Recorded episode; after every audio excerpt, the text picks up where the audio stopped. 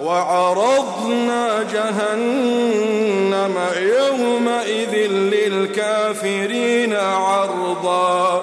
وعرضنا جهنم يومئذ للكافرين عرضا. اللهم أجلنا منها. عرضناها لهم. تكون أمامهم. عرضا يعني عرضا عظيما. ولذلك نكر.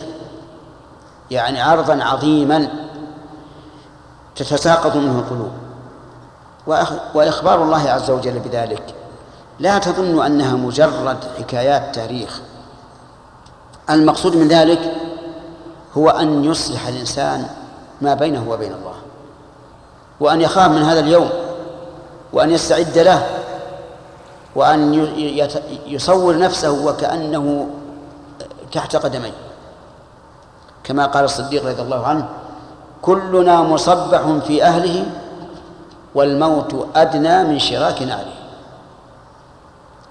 فتصور هذا وتصور أنه ليس بينك وبينه إلا أن تخرج هذه الروح من الجسد وحينئذ ينتهي كل شيء.